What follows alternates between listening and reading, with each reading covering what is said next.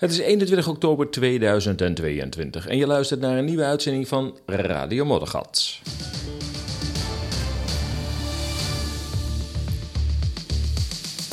Zo, de koffie is klaar en we kunnen er weer tegenaan. Er is geen ander medicijn tegen misleiding en manipulatie dan de waarheid. Radio Moddergat, de vrije podcastradio van ESAS.nl, werpt een ander licht op het voorgeschreven narratief. Twee wekelijks met berichten over bizarre tijden. Mijn naam is Paul de Bruin en ik neem je mee langs opmerkelijke ontwikkelingen van de afgelopen weken.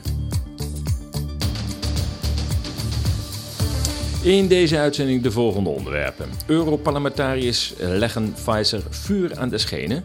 Hoe geheime diensten journalisten ronselen. Kunnen de boeren iets met het rapport Remkes? Oh jee, David Icke komt naar Nederland. En tot slot kennismaking met een eigentijdse filosofie. Dit in deze uitzending van Radio Moddergats.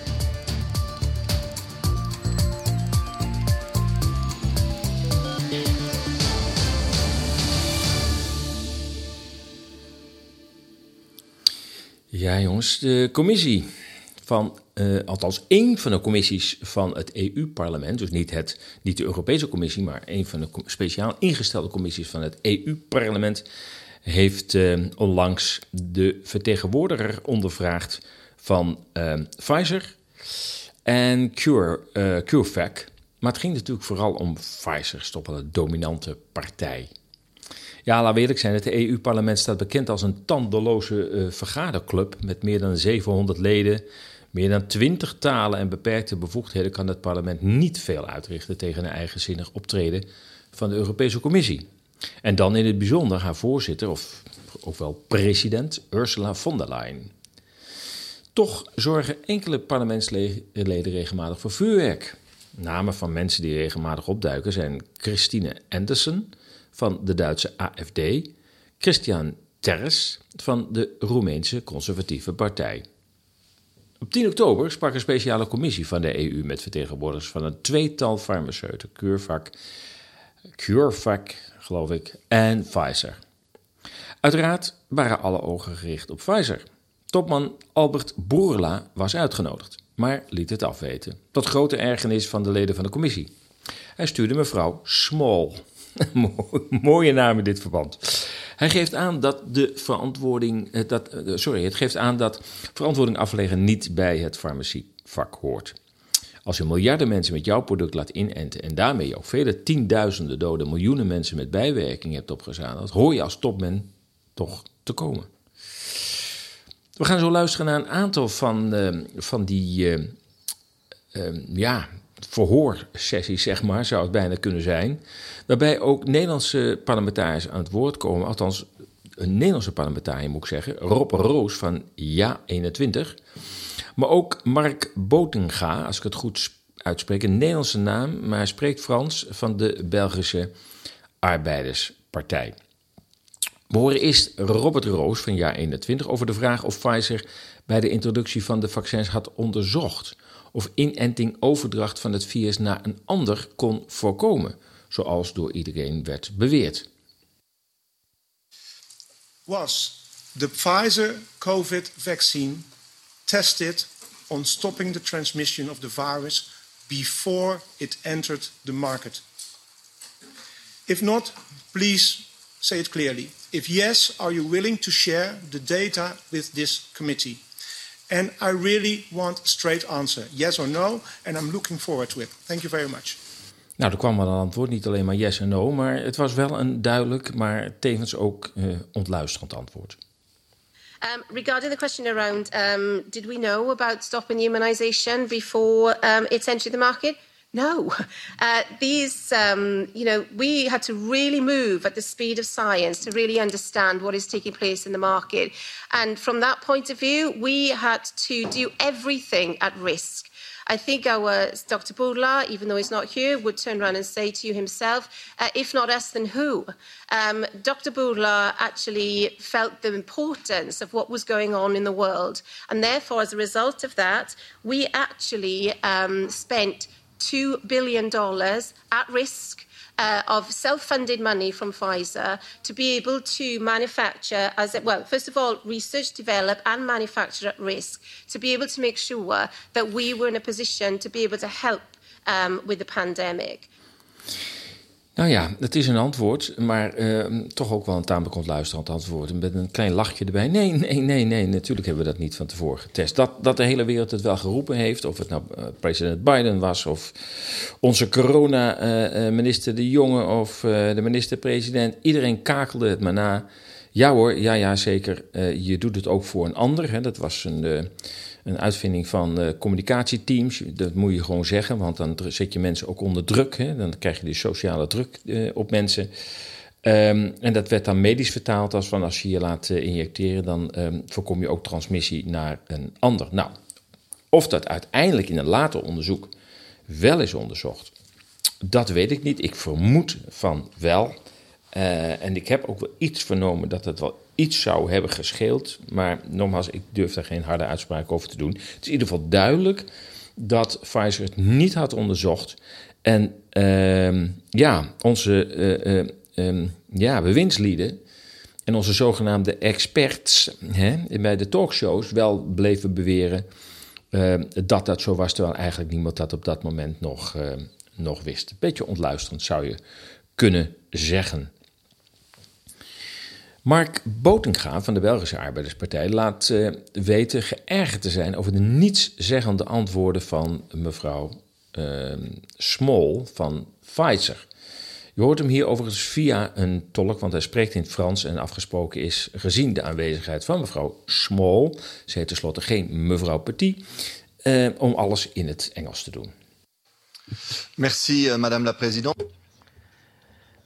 Thank you, Chair. My thanks to the Pfizer and CureVac representatives for joining us here today as well. Yes, well, I don't know if you've just heard this, but the aim was for you to answer the questions. And we've been here for an hour now, and we've repeated uh, some questions a number of times, and we have yet to hear any answers. So I'll try and make the task easier for you by giving you yes or no questions, or just a question about a figure. First, on the negotiations, since 2022, this is a question for Pfizer and CureVac. How many electronic messages has your CEO exchanged with the president of the European Commission? Do you support parallel negotiations outside of a formal normal process? Yes or no? Would your CEO also today be sending electronic messages to President von der Leyen? Yes or no? Are there other European or world leaders to whom your CEO is sending electronic messages? How many meetings have your companies had directly and indirectly with Commission staff? Which members of the European Parliament have you had meetings or exchanges? And do you consider that your interests are well defended by lobbies such as FPA and the Vaccine Alliance? So, these are the questions on negotiations, at least a few clear questions for you. On prices, we will be coming back to that because we see systematically we have to raise this question. Why is a, this is a question for Pfizer now? Why has the price gone up by 20%? What's the reason for that? In 2021, your financial director, Frank Stemelio, said that for him, a normal price for a COVID vaccine could be up to 150 euros. Can you confirm that? Do you agree? What should the price of such a vaccine be, according to you? Do you agree with what the People's Vaccine Alliance said a year ago? Uh, and earn $1,000 per second um, in profit from this? And if not, then how much is your profit? Ja, dat zijn natuurlijk sensitieve vragen, uiteraard. Van uh, hoeveel verdien je nou eigenlijk aan die vaccins en hoe kom je tot die prijsstelling? En ook hoe kan het dat uh, gedurende uh, 2021 de prijzen van de vaccins met, met 20% werden verhoogd? Uh, er kwamen geen makkelijke antwoorden, dat uh, mogen duidelijk zijn. Um, regarding, sorry. Um, price. Oh, price. Okay, right. sorry. It, honestly, it's on my notes. I just haven't got to it constantly. It is there, isn't it? Pricing.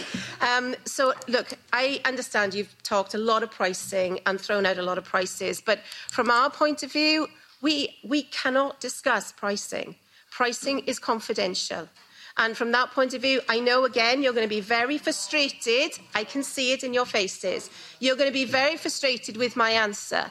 but pricing is confidential. And from that point of view, I am not able to have a conversation with you other than to repeat what has always been out there in that we have taken a tiered pricing approach to pricing to make sure that it is affordable for the governments to be able to ensure that uh, citizens can have it without out of pocket funding. And in addition to that, we've made sure that low and middle income countries are having it at not for profit. U hoort het, uh, het is een uh, sociale instelling, hè? de farmacie. Die houdt echt rekening met het draagkrachtbeginsel. Kijkt echt van, kun je het wel betalen? En zo niet, dan, dan, dan gaan we dat gewoon tegen, tegen hele lage tarieven aan je verkopen. Een, uh, een tamelijk ongeloofwaardig uh, verhaal, uh, zou je kunnen zeggen. Want laten we eerlijk zijn, als er ergens een agressieve sector is, dan is het wel ehm, de farmacie. Regelmatig vuurwerk komt ook van de parlementariër Christian Terres van de Romeinse Conservatieve Partij. Hij wil weten, wat staat er nou precies in het contract tussen de EU en Pfizer? Hij beklaart zich ook over de veel zwartgelakte teksten, waardoor hij het contract niet kan beoordelen. Just one question. I'm not asking about the ongoing discussions that Pfizer has with certain governments. I'm asking and my colleagues and people, the European citizens, the journalists, media, people who are in this room are asking for the contracts already signed. Because the European Commission published a version of these contracts in a redacted format, and tens of pages of these contracts are totally blacked out. These are the contracts that we're interested in. Thank you. Yeah.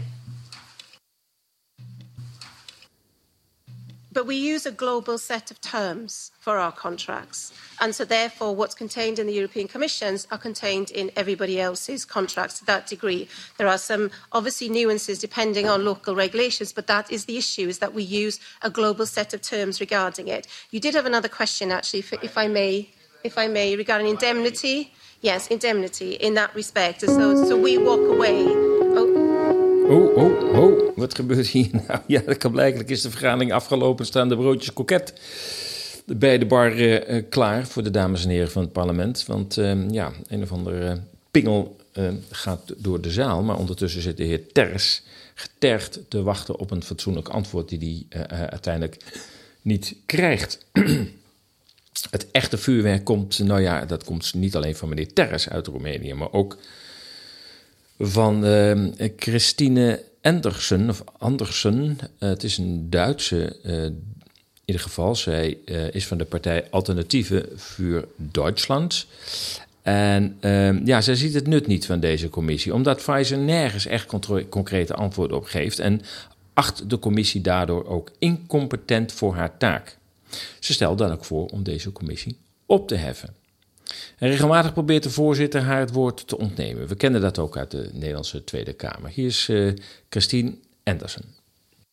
Um, this is quite ridiculous what we're doing here. And pursuant to Article 200 uh, Rule 211 of the rules, uh, rules of Procedure, I am proposing that this committee declares itself incompetent in getting clarification on the content of the contracts between EU Commission and pharmaceutical companies with regards to the mRNA vaccines in general and the exchange of text messages between Ursula von der Leyen, President of EU Commission, and Mr. Borla, CEO of Pfizer in particular. It is quite obvious in today's Mrs. Anderson, proceedings. Mrs. Anderson, we'll put that on the agenda no, of no, the no. I will raise my point of order now, and according to the rules, you will have to let me continue. Okay, you continue. Thank you. It is not, quite not more than a minute. Not more than a minute. You don't have to make full statements. Okay, Just- this committee lacks the authority to get to the bottom of crucial questions. The fact that Mr. Borla, CEO of Pfizer, had the audacity to refuse to appear in front of this committee to answer question constitutes a gross disregard for the people whose tax money he took, by the way. If we cannot compel a crucial player to appear in front of this committee, then this committee is useless. So I propose, propose that we declare ourselves incompetent. And I furthermore propose that this committee concludes the need for a, a committee of inquiry and formally requests the Conference of Presidents to initiate the necessary steps to propose uh, the EU Parliament in setting up such a committee, as provided in Rule 208 in conjunction with Article 226 of the Treaty uh, on the Functioning of the European Union, to ensure the peoples of Europe's right to Okay, democratic Mrs. Anderson, now I, I am recourse. going to and cut finally, you. I am I going to request cut the roll call vote on these uh, proposals. Thank you very much. Ja, en ze brengt eh, haar voorstel in stemming, maar de voorzitter weigert om eh, die stemming, die reglementair moet kunnen plaatsvinden, om die eh, te laten plaatsvinden. We will have a discussion at the coordinators, and of course, the ID group can go to the Conference of Presidents. Can I remind this committee this is not an investigating committee? Exactly. This is a special committee.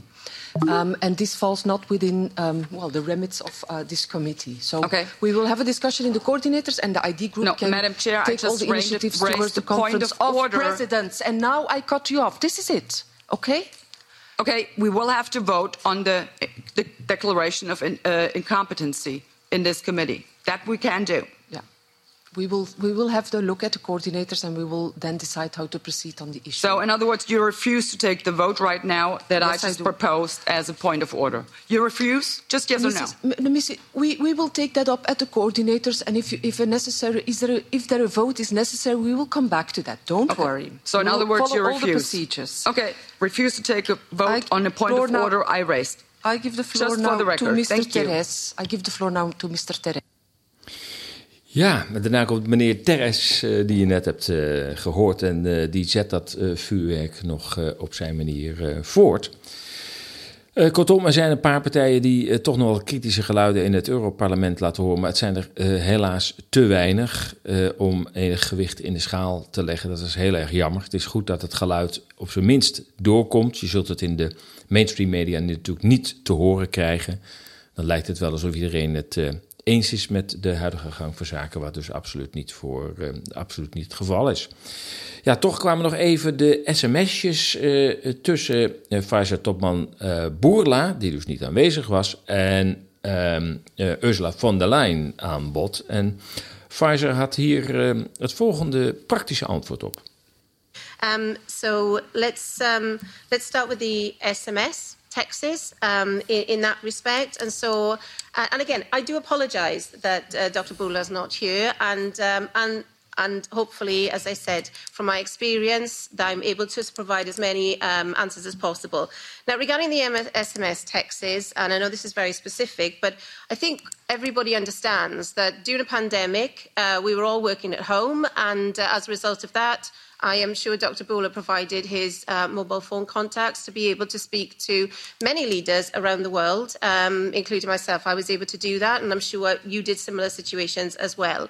Uh, regarding your specific question as to whether um, a contract negotiation such as this contract, which you referred to, 1.8 billion doses, was negotiated through an SMS, I can categorically tell you that would not be the case. I know that because, as I mentioned earlier on, I actually was involved in all the, the negotiation discussions from the very start, uh, from the beginning in 2020.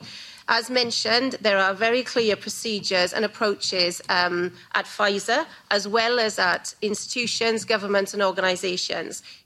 Nou, kortom, het antwoord is: eh, u werkte toch ook thuis in die tijd en wij werkten ook thuis. En eh, ja, dan kun je alleen nog maar met sms met elkaar corresponderen. Kablijkelijk eh, is, als je thuis werkt, e-mail ook niet meer mogelijk. Je kunt ook geen contracten meer over een, weg over en weer sturen. En blijft de sms kablijkelijk over. Maar goed, het blijft een formele vorm van communicatie. En op de een of andere manier ehm, eh, ja, wil vooralsnog von der Leyen dat, dat sms-verkeer niet, eh, niet vrijgeven. Het is overigens wel dat eh, er nu een, ehm, een onderzoek wordt ingesteld. Ik ben even kwijt hoe officieel dat, hoe dat orgaan ook weer heet, maar dat is een officieel eh, ehm, ehm, instituut binnen de Europese Unie die echt vervolging eh, kan instellen. Ehm, en die is nu begonnen met een onderzoek naar inderdaad het, ehm, ja, het verkeer, het communicatieverkeer, waaronder natuurlijk ook de sms, tussen de eh, president eh, van de, Europese Commissie, Ursula von der Leyen, en de topman van, eh, van Pfizer, Albert Bourla. Dus het zal ongetwijfeld nog een staartje krijgen. Ja, gekochte en geronselde journalisten. Je kunt het je niet voorstellen, maar in dit soort tijden leven wij. En dat is niet alleen van deze tijd natuurlijk. Dat, eh, dat gebeurt al heel, Heel lang, uh, alleen ja, het, het, haalt natuurlijk nauwelijks de media. Het feit dat journalisten letterlijk door geheime diensten worden benaderd. En um, ja, het NRC, en dat is op zich ook alweer opmerkelijk, komt wel met een dergelijk bericht. Um, waarin zij zeggen dat Nederlandse inlichtingendiensten journalisten in onrustige gebieden, vooral het Midden-Oosten onder andere, uh, ronselen om informatie los te krijgen. Want ja, die journalisten zijn ter plekke en um, zouden ook voor geheime diensten ook meteen wat informatie kunnen opdissen, zo hier en daar. Um, de krant sprak met 32 journalisten en het zou volgens het NRC gaan om redacteuren en correspondenten die over onderwerpen schrijven of in gebieden werken die de aandacht hebben van de diensten. De helft van hen zegt verzoeken te hebben gehad van de Algemene Inlichting en Veiligheidsdienst, de AIVD, of de uh, Militaire Inlichting en Veiligheidsdienst, de MIVD. En in enkele gevallen bleek de AIVD zelfs bereid om te betalen. Oftewel, ja, bijna een soort omkoping zou je kunnen zeggen. Aanleiding voor de rondvraag van het NRC was een intern AIVD-document dat een bron vorige maand liet zien aan het NRC. Het kwam al in 2016 binnen bij de, klokkenluiders, uh, sorry, de klokkenluiderswebsite PubLeaks, maar werd nooit gepubliceerd. Het document bevat een lijst met namen van 21 bronnen en agenten. Onder hen zijn acht journalisten. Programmamakers Thomas Erdbrink en Sinan Kan waarschuwen in het NRC voor gevaren die journalisten lopen als in zee gaan met de diensten. Um, ik hoor ze overigens niet zozeer eh, spreken over uh, de principiële uh, en de ethische kant daarvan, maar het gaat er blijkbaar alleen om de gevaren. Sinan Kan reist voor BNN-varen al jaren door landen als Irak, Syrië en Afghanistan. Hij werd in 2018 gebeld door de inlichtingendienst, maar weigerde een gesprek. Kan begrijpt dat de AIVD voor de veiligheid van de staat moet zorgen. Citaat: Toch blijft het kwalijk, want wij lopen een enorm risico in die landen, al dus kan. Thomas Brunning, algemeen secretaris van de Nederlandse Vereniging van Journalisten, de NVJ, wil een verbod voor inlichtingendiensten om journalisten te werven voor inlichtingenwerk. Citaat: Het moet in de instructies van de AIVD en de MIVD worden opgenomen, net zoals dat nu al geldt voor het bespioneren van journalisten. Einde citaat. Een link uh, naar uh, het artikel staat in de nieuwsbrief die bij deze podcast hoort. Dat geldt ook voor het vorige onderwerp. Uh, dus de hele integrale video van de hearing van Pfizer, eh, daar staat de link ook van in de nieuwsbrief. De nieuwsbrief, die, eh, daar kun je je op abonneren, gewoon via de website. En dan krijg je gelijk met het publiceren van de podcast, krijg je de nieuwsbrief. Dat is dus eens per twee weken. Um, krijg je zowel de laatste artikelen, hè, als je uiteindelijk niet elke dag naar de website wilt gaan, krijg je toch een overzicht van de artikelen van de afgelopen weken. Je krijgt uiteraard de actuele podcast en zo zitten er nog een aantal interessante zaken in de tweewekelijkse nieuwsbrief van esas.nl. Goed, maar de invloed van de inlichtingendiensten gaat nog veel verder. Ik heb het dan over de Duitse, inmiddels overleden journalist uh, sorry, uh, Udo Oefkotte.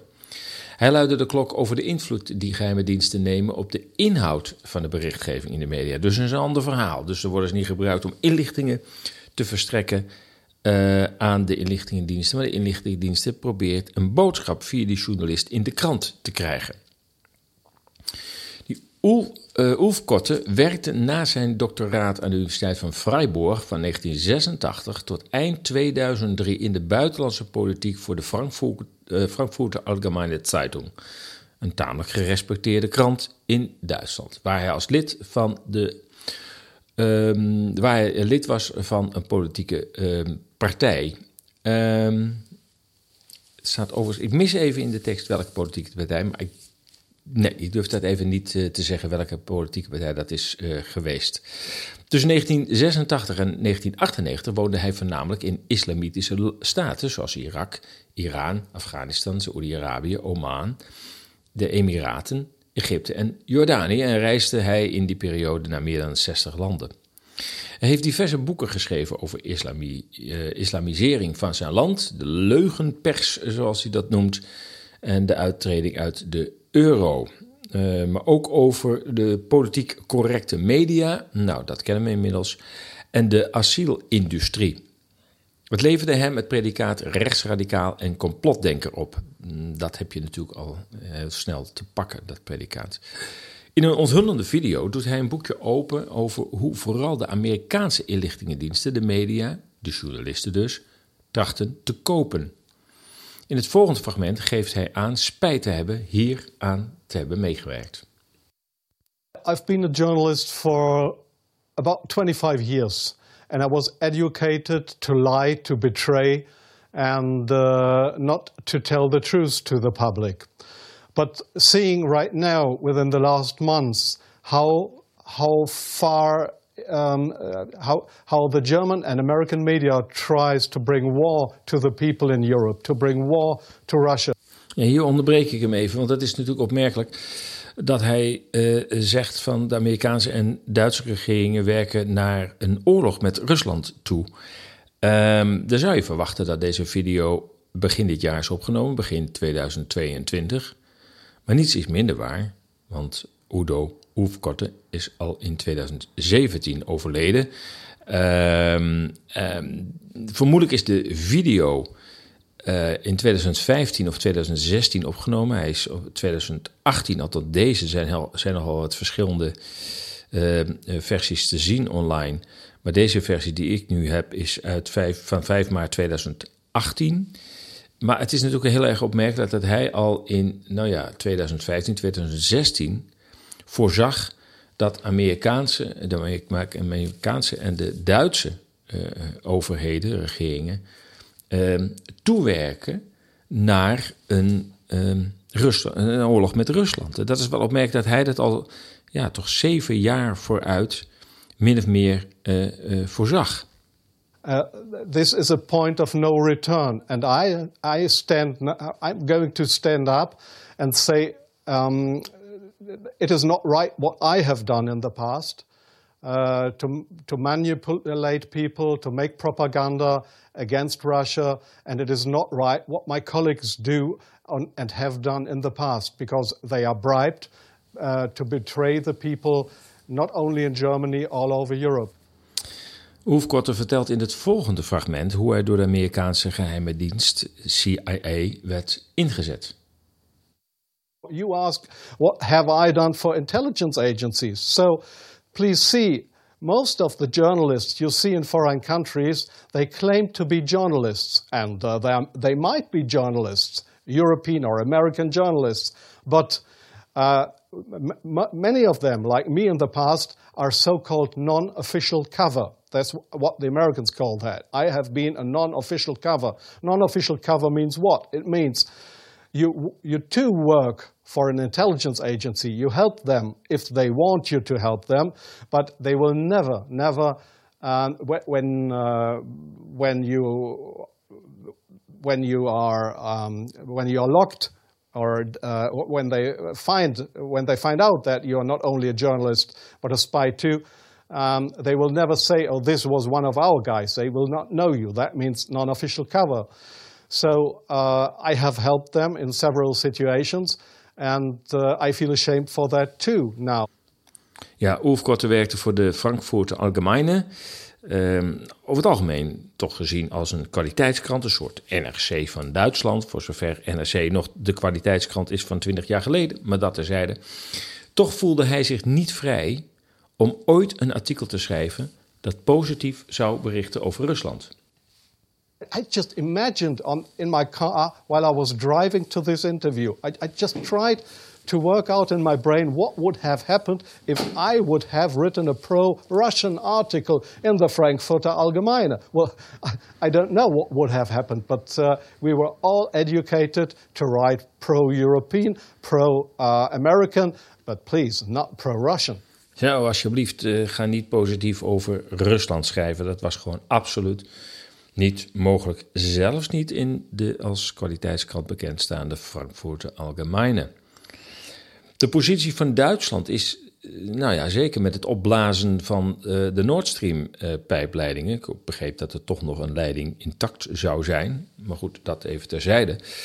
Uh, dat Duitsland wel duidelijk is geworden dat, dat ze nog helemaal ehm, zeg maar onder de knoet zitten van de Verenigde Staten en nog steeds een niet soeverein bezet land zijn. Het is de Verenigde Staten die bepaalt met wie uh, Duitsland zaken doet. En al helemaal niet met Rusland, al moet dat ten koste van de, de Duitse welvaart en de Duitse industrie met geweld worden afgedwongen. Steeds meer mensen realiseren zich dat Duitsland dus nog steeds na zoveel jaar na de oorlog in die uh, positie uh, zit. Maar Ulf Korter had er ook een hele heldere mening over.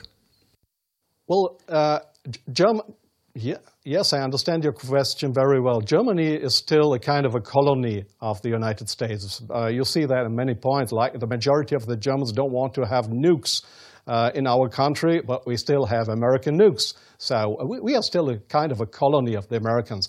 And being a colony, it is very easy to approach uh, young journalists uh, through uh, what is very important here is transatlantic organizations.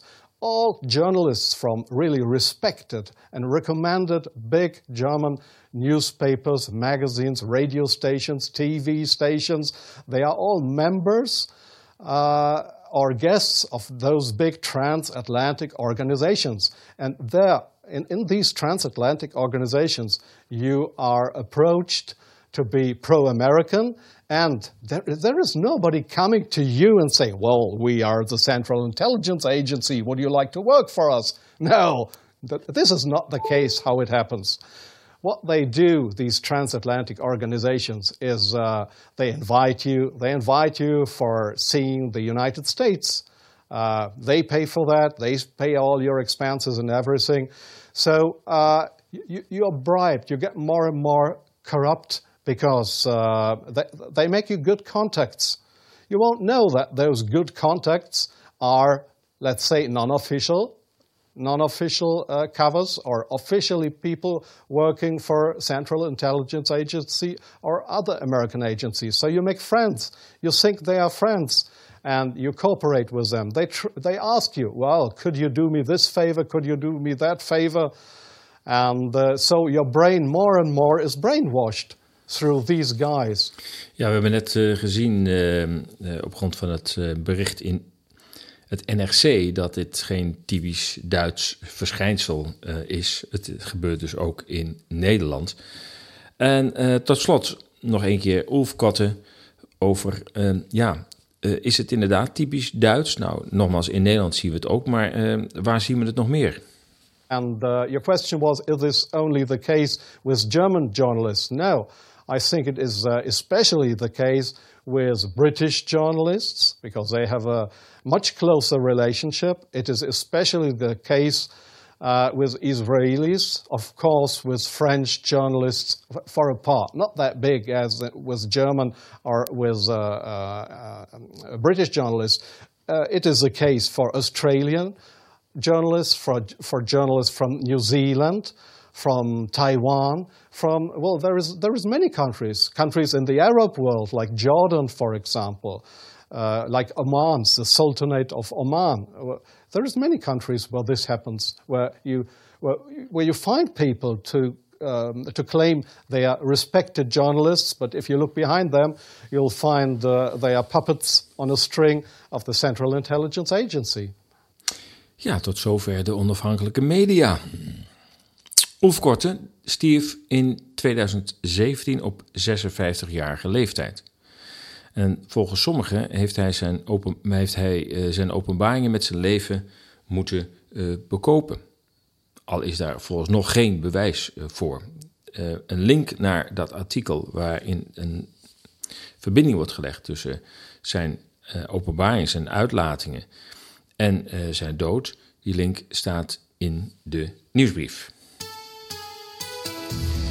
Dit is Radio Moddergat, wereldwijd te beluisteren via Soundcloud, Apple Podcast, TuneIn en Spotify. Het rapport Remkes. Er is veel gezegd over het rapport van Remkes over de hervormingen van de Nederlandse landbouw en veeteelt. Ik ben er maar eens voor gaan zitten en, uh, en te zien van, ja, is er überhaupt nog wel hoop op een voor iedereen acceptabele uitweg?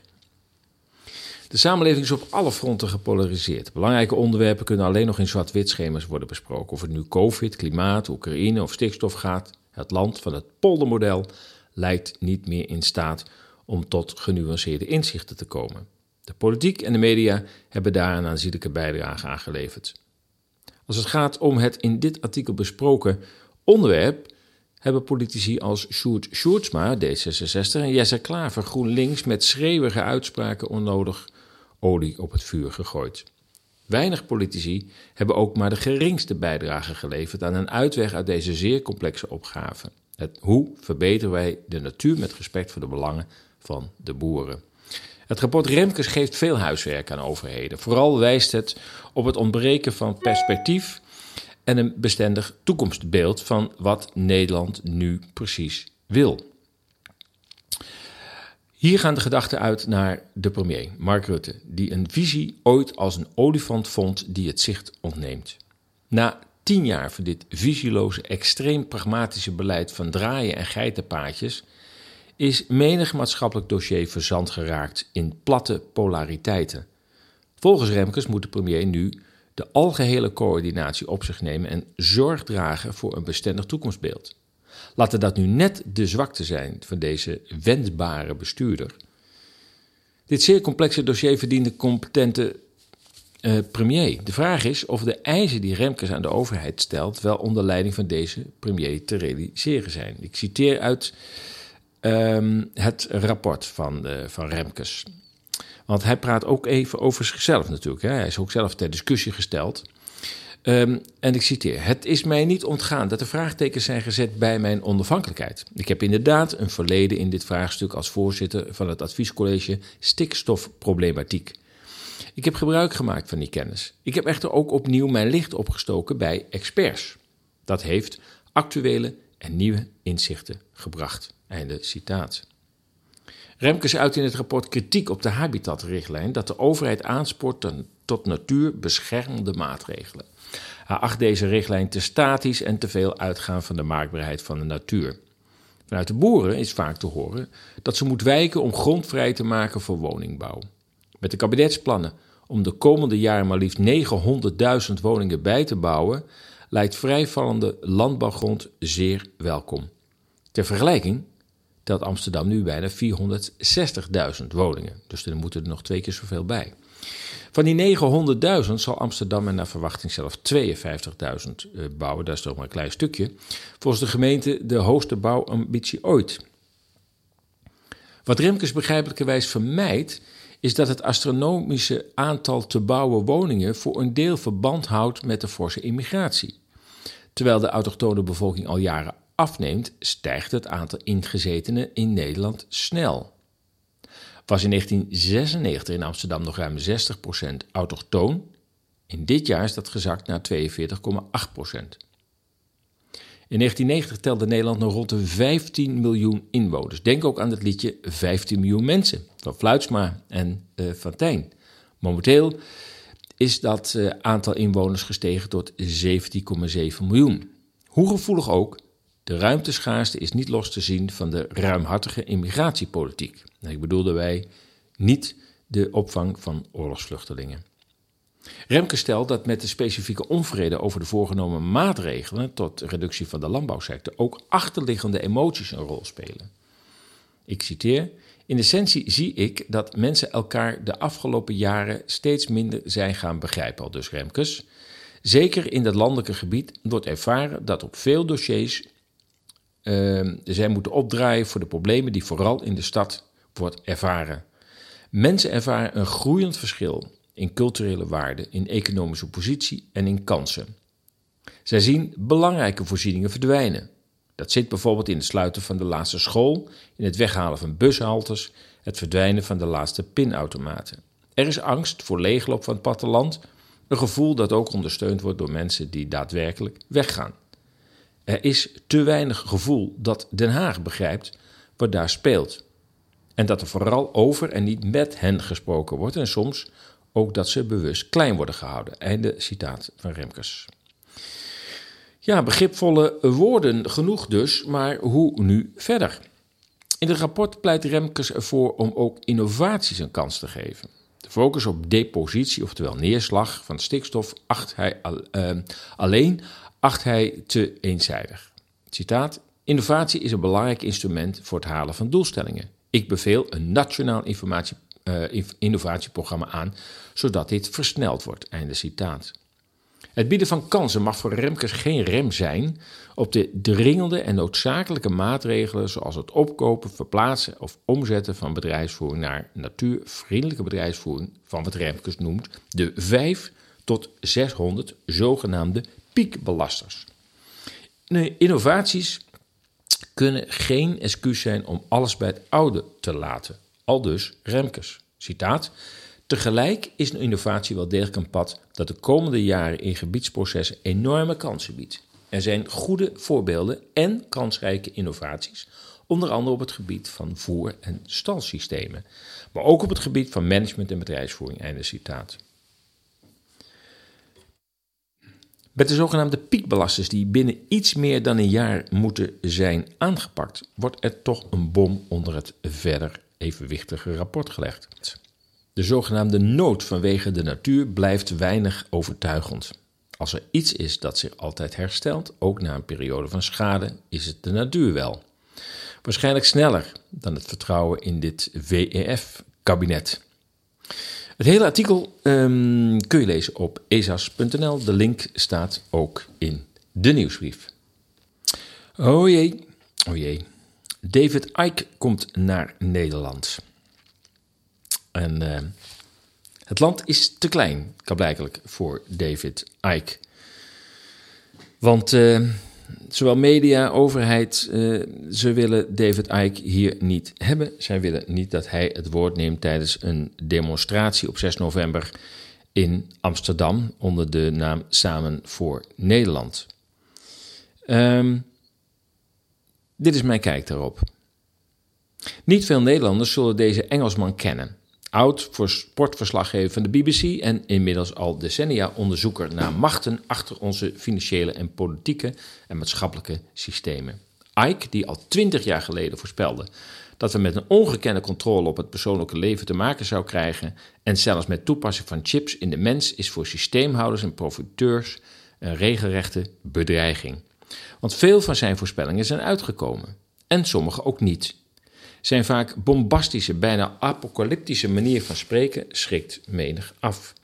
Maar voor velen in talrijke landen is hij een held die de volgers door deze bizarre tijden gidst. Nu komt Ike naar Nederland en wel op 6 november tijdens de demonstratie Samen voor Nederland.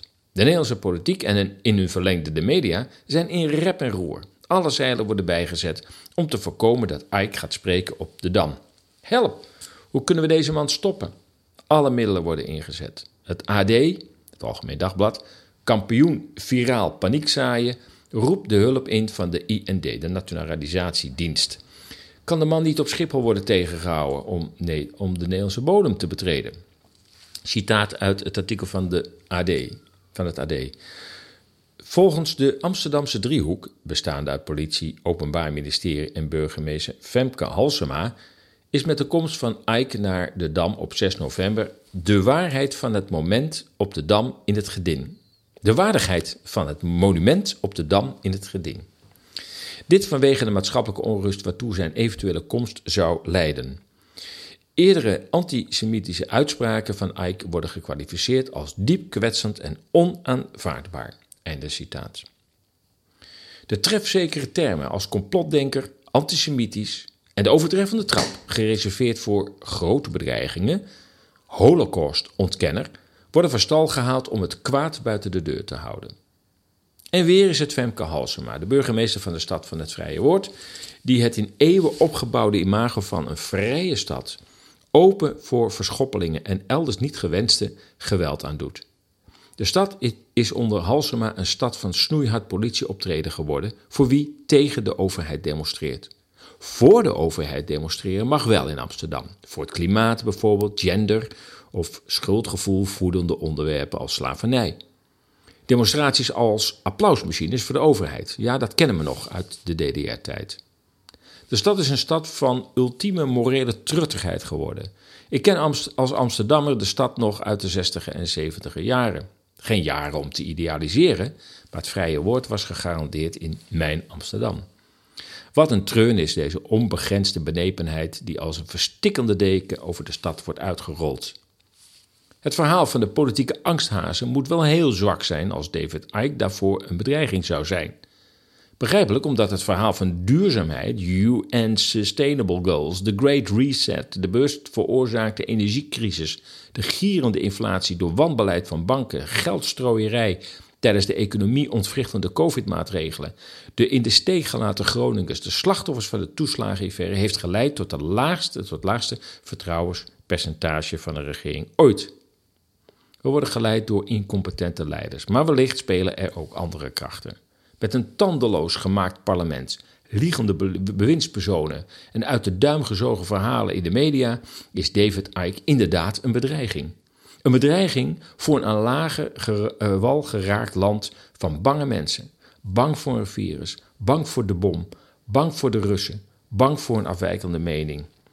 De hysterische aandacht voor Ike zal zijn bekendheid in Nederland een forse impuls geven. Hij zal er veel volgers bij krijgen.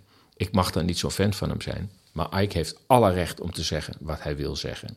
Welkom het vrije woord. Welkom David Ike in Nederland in Amsterdam, waar het vrije woord tot het DNA van de stad behoort. Oké, dit uh, artikel is uh, te lezen op uh, ezas.nl.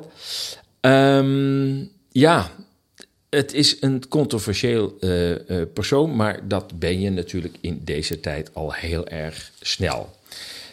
ik laat een fragment horen uit een recente Jensen-show, waarin hij een clip van meer dan 30 jaar geleden, ik zei net 20 jaar geleden, maar het is 30 jaar geleden, laat horen. Uh, waarin Ike allerlei uh, uh, uitspraken doet. Waarvan we nu zeggen: hé, hey, verhip, we zijn 30 jaar verder. Maar het klopt aardig met het beeld van nu.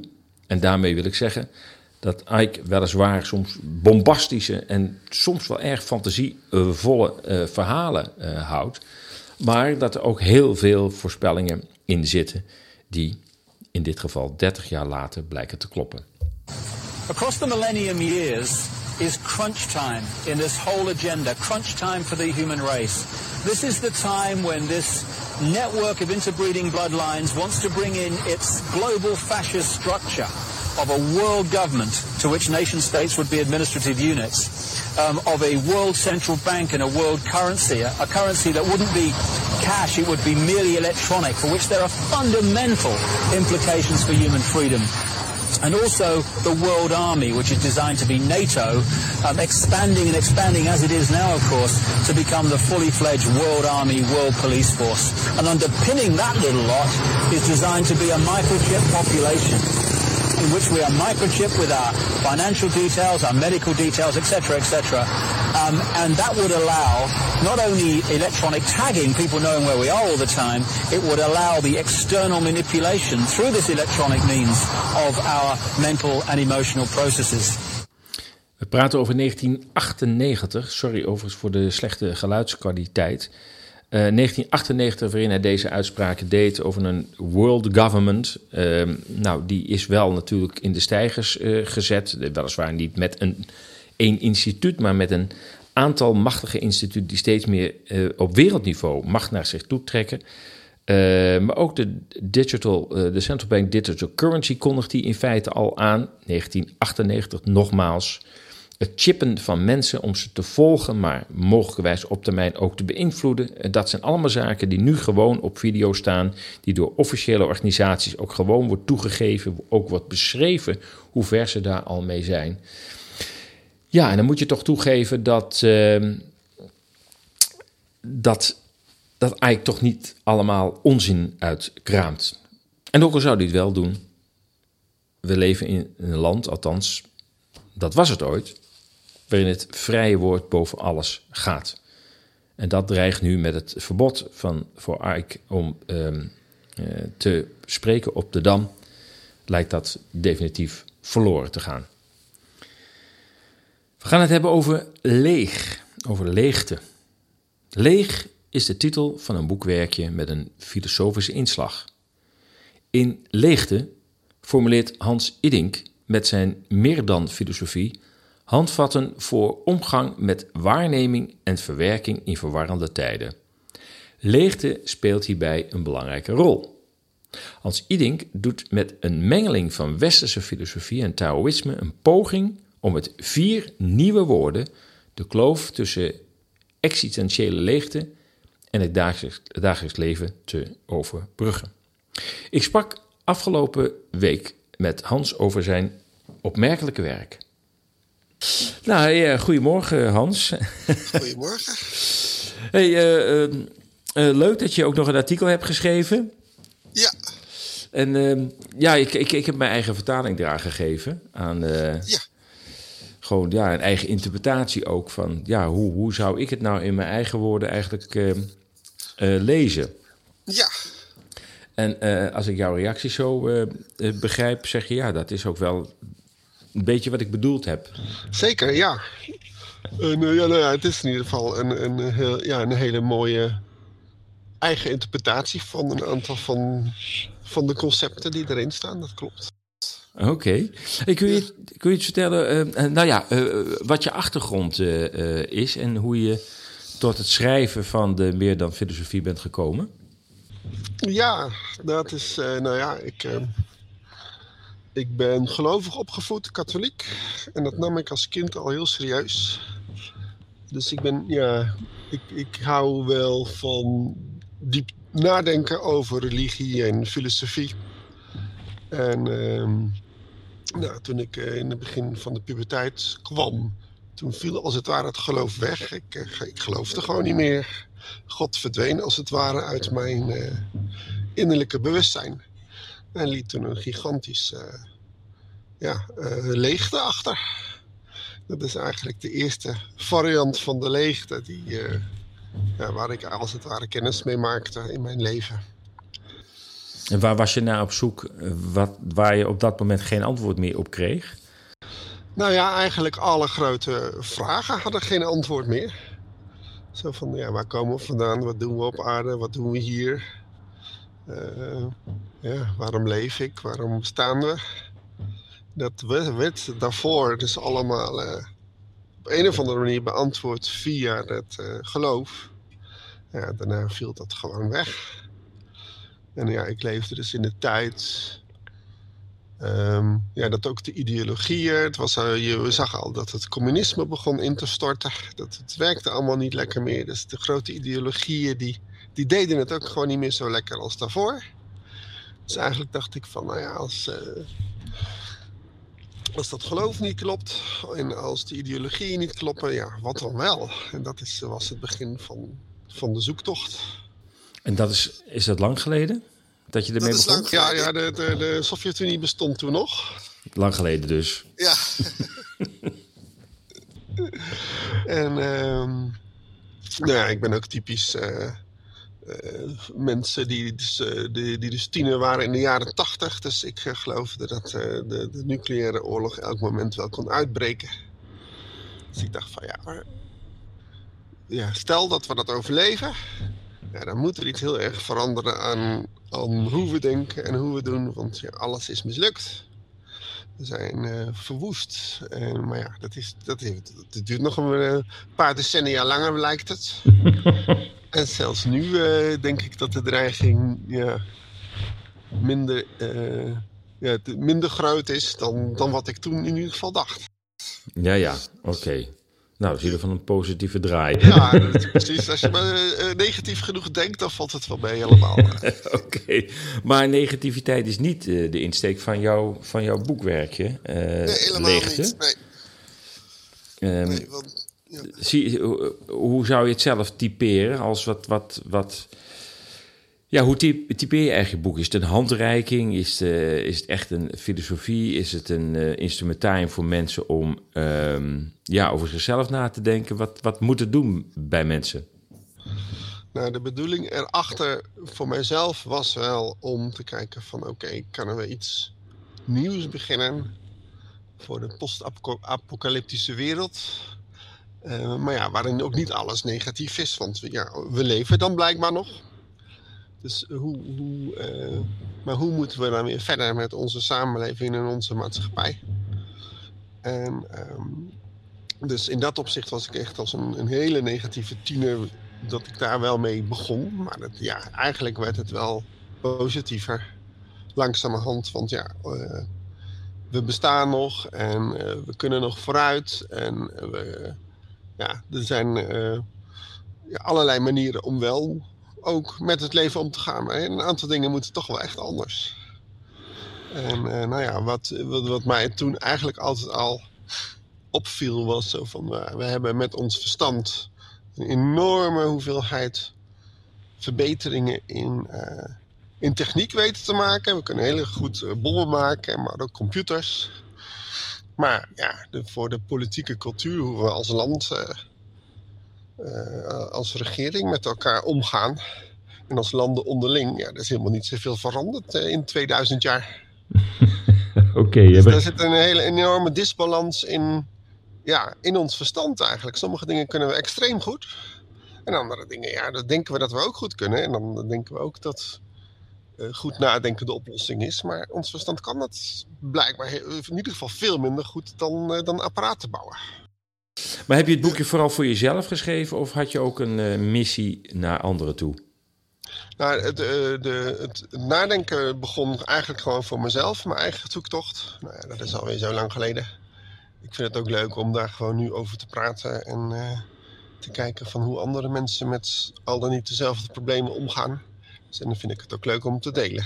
Ja. Wat, wat ik ervan heb bedacht. En als, als iemand vraagt van uh, wat, wat zou ik ermee kunnen? Wat, hoe, ja. hoe, hoe zou je dat dan definiëren? Nou, ik denk dat wat, wat het eigenlijk doet, uh, is dat uh, we zetten ons mens zijn weer terug in de natuur.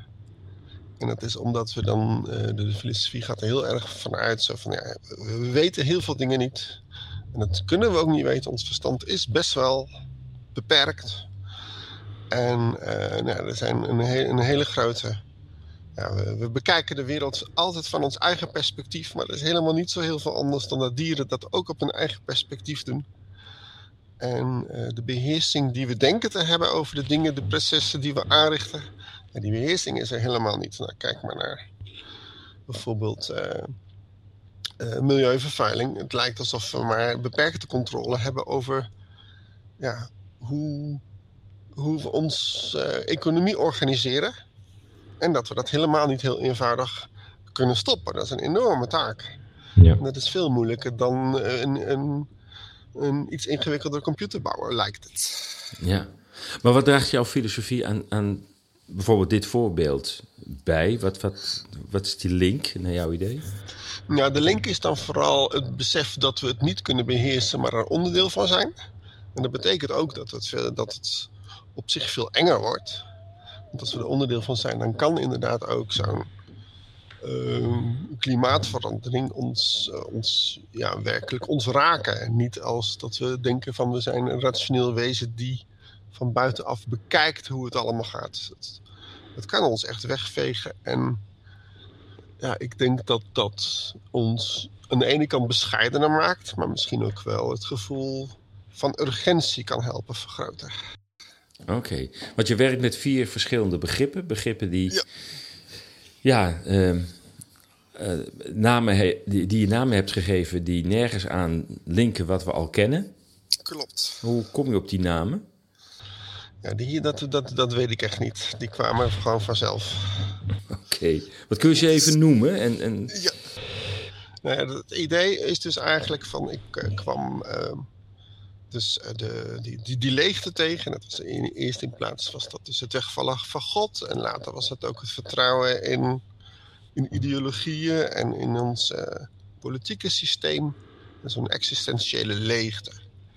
En ik, nou, heel veel mensen hadden, uh, in die tijd hadden het idee van ja, daar moet je eigenlijk vanaf. Je moet dan bijvoorbeeld jezelf gaan ontwikkelen en zelfrealisatie. Dat je eigenlijk die leegte een beetje ontkent. Maar ik vond die leegte eigenlijk wel prettig. Het was er altijd.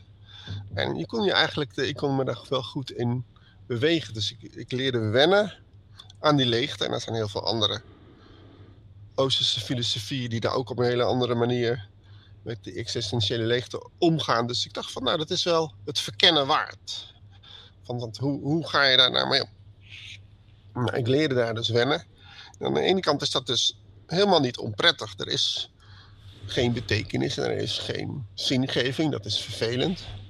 Maar er is ook geen moeten en je mag gewoon, je kunt daar gewoon zijn zonder iets te hoeven. Het, voelt, het is ook een soort enorme vrijheid die, die ik ervaarde toen ik de leegte ging ontdekken. Nou, dus maar wat, wat er gebeurde was dat ik eigenlijk wel in een soort van twee werelden terecht kwam. Aan de ene kant had je dus die leegte. Uh, met, ja, zijn eigen. Uh, ja, daarin voelde je op de ene manier. En dan dat dagelijks leven, waarin je gewoon toch uh, naar de supermarkt moet om, om broodjes te kopen. En waarin af en toe wat geld op je bankrekening moet zien te, te krijgen. Anders gaan de dingen gewoon echt mis. Het voelde als een hele andere wereld. Die ene had heel veel betekenis nodig en had ook zingeving nodig. Dus het dagelijks leven met vrienden, met samenleving. En die leegte, daar, was dat allemaal niet en dat hoefde ook niet.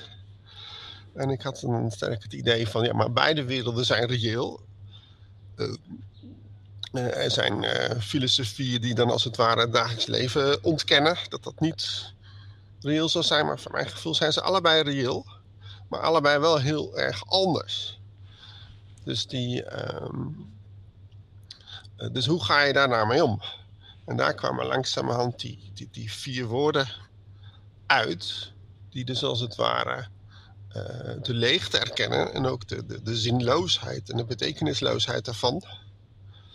Maar toch um, uh, ja, op elkaar inwerkend als het ware in die leegte zweven als losse woorden, als los platform.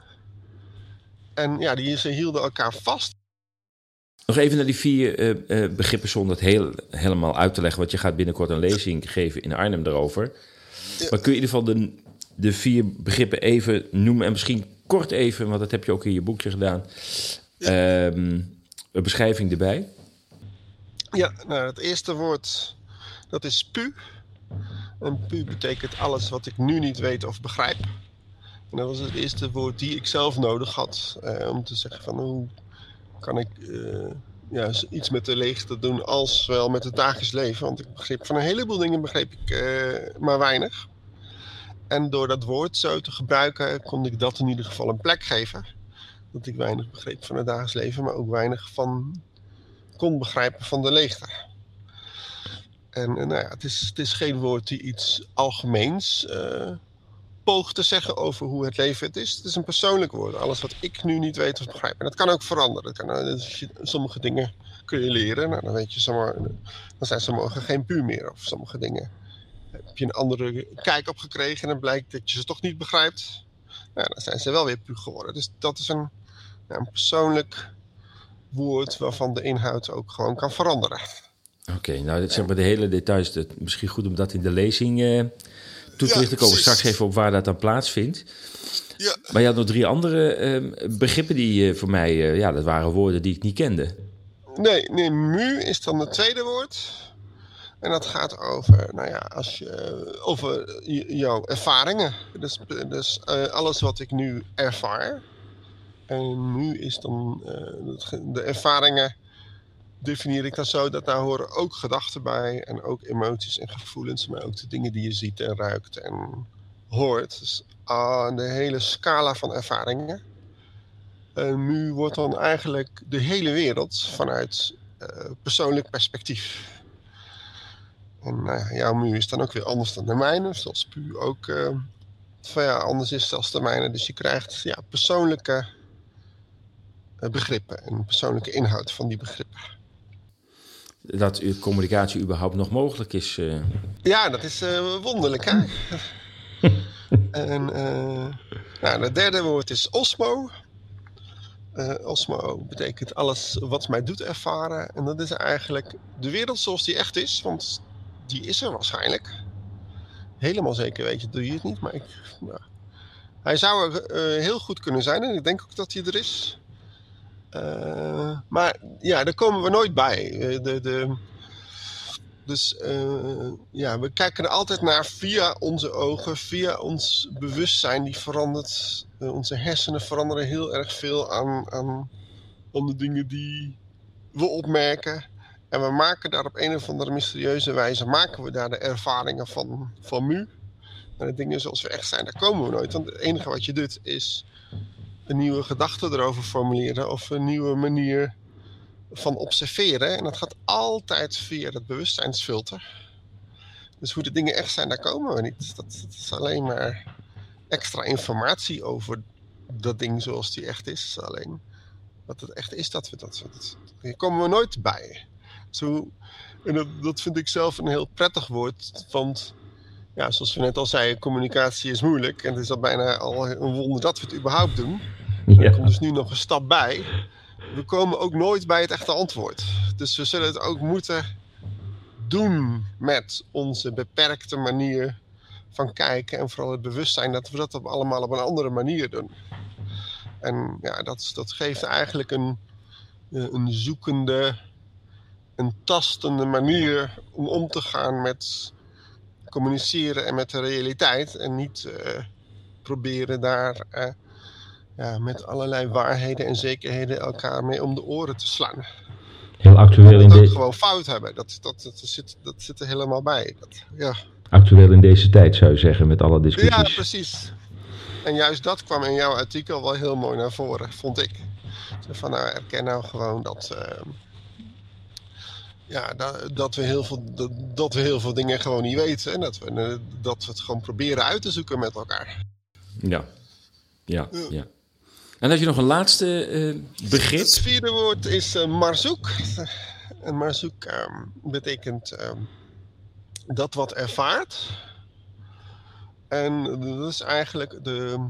Ja, de, de, dus het komt dus iets uit Osmo, uit de echte wereld. En, en uh, hoe dat iets in het echt is, weten we niet. We weten niet hoe ons bewustzijn werkt en hoe ons. Uh, ja, hoe, zelfs hoe ons lichaam in het echt functioneert. We kunnen, maar dat, dat bewustzijn vormt op een of andere manier wel die ervaringswereld. En ja, dat, dat, dat deel, dat wat die ervaringswereld vormt of creëert, dat, dat heet dan maar zoek.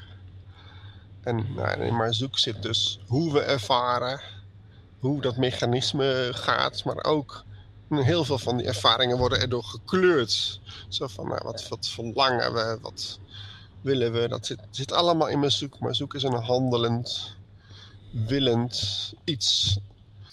Het woord zoek zit erin, maar dat, heeft, dat, is, dat is toeval. Dat is toeval, ja, denk ik.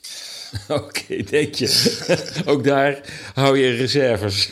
ja, zeker. Nee, dat, hoort, dat was er ook op een gegeven moment dat ik dacht van, nou, dat, dat past het beste bij, ja, weet je, dat als je dan bij, bij het beste bij wat ik doet, dan, ja, dan, dan heb je op een gegeven moment een bepaald woord, een bepaald concept vormt zich dan. Van daar, daar zit iets wat een woord nodig heeft.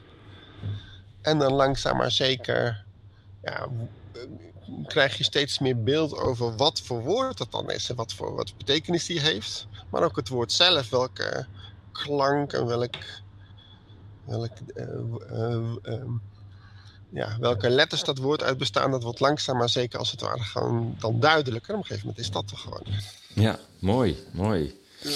Hey, je hebt het uh, vervat in een, uh, een boek, een boekje, ja, iets van uh, 87 pagina's als ik even snel kijk. Ja. Um, waar kunnen mensen dat bestellen? Gewoon bij een boekhandel, het, het Leegte van nou, Hans Iding. En ja, maar dat kan ook online, eh, ook bij de boekhandel. Ik denk dat dat het, het handigste is. En als mensen het online willen bestellen, als mensen denken: ik kan niet wachten om het te lezen, ik wil het nu hebben, ik wil het nu bestellen, waar kunnen ze dan terecht? Ja, je kunt gewoon dus naar je eigen boekhandel en oh. dan uh, in een, zoekbalk leegte en dan uh, Hans Idink intypen en dan, dan kom je daar gewoon. Oké, okay, hartstikke goed. Je gaat ook een, uh, een lezing houden. Ja. Binnenkort in Arnhem. Kun je er iets meer over vertellen? Nou, dat is bij uh, uh, de boekhandel Het Colofon. En uh, nou, dat is dus een, een lezing waarin ik heel kort ook iets over het boek ga vertellen. En dan ook met wat afbeeldingen erbij. En een discussie ernaar. Dus er kunnen ook vragen gesteld worden. Oké, okay. en waar en wanneer, of, of wanneer is het? 27 oktober om half acht, donderdag. In Arnhem? Oké, okay, Nou, ik hoop dat uh, de luisteraars naar uh, deze uitzending van Radio Motorgat uh, dat in hun agenda zetten. En naar Arnhem gaan die dag. Ja. dank zover, Hans. Okay. Ik zal er ook zeker bij aanwezig zijn bij je lezing. En ik ben ja. heel erg benieuwd naar de reacties. Ik ook. Ja. Okay. Nou, dankjewel. Jij ook ja. bedankt. Ja, mijn eigen vertaling van zijn werk, ik heb het in mijn eigen woorden proberen te herformuleren, uh, vind je op, uh, op de website esas.nl onder de titel We moeten praten.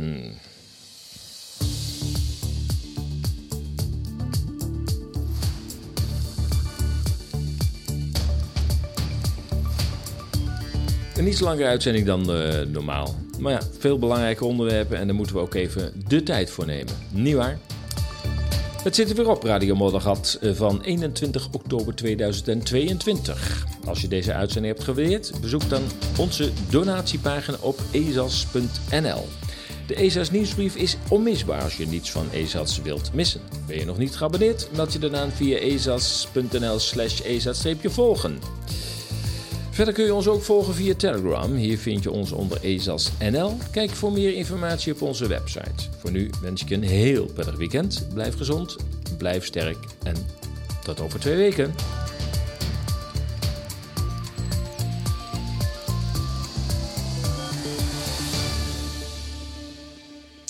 Um, regarding the question around um, did we know about stopping humanisation before um, it's entered the market?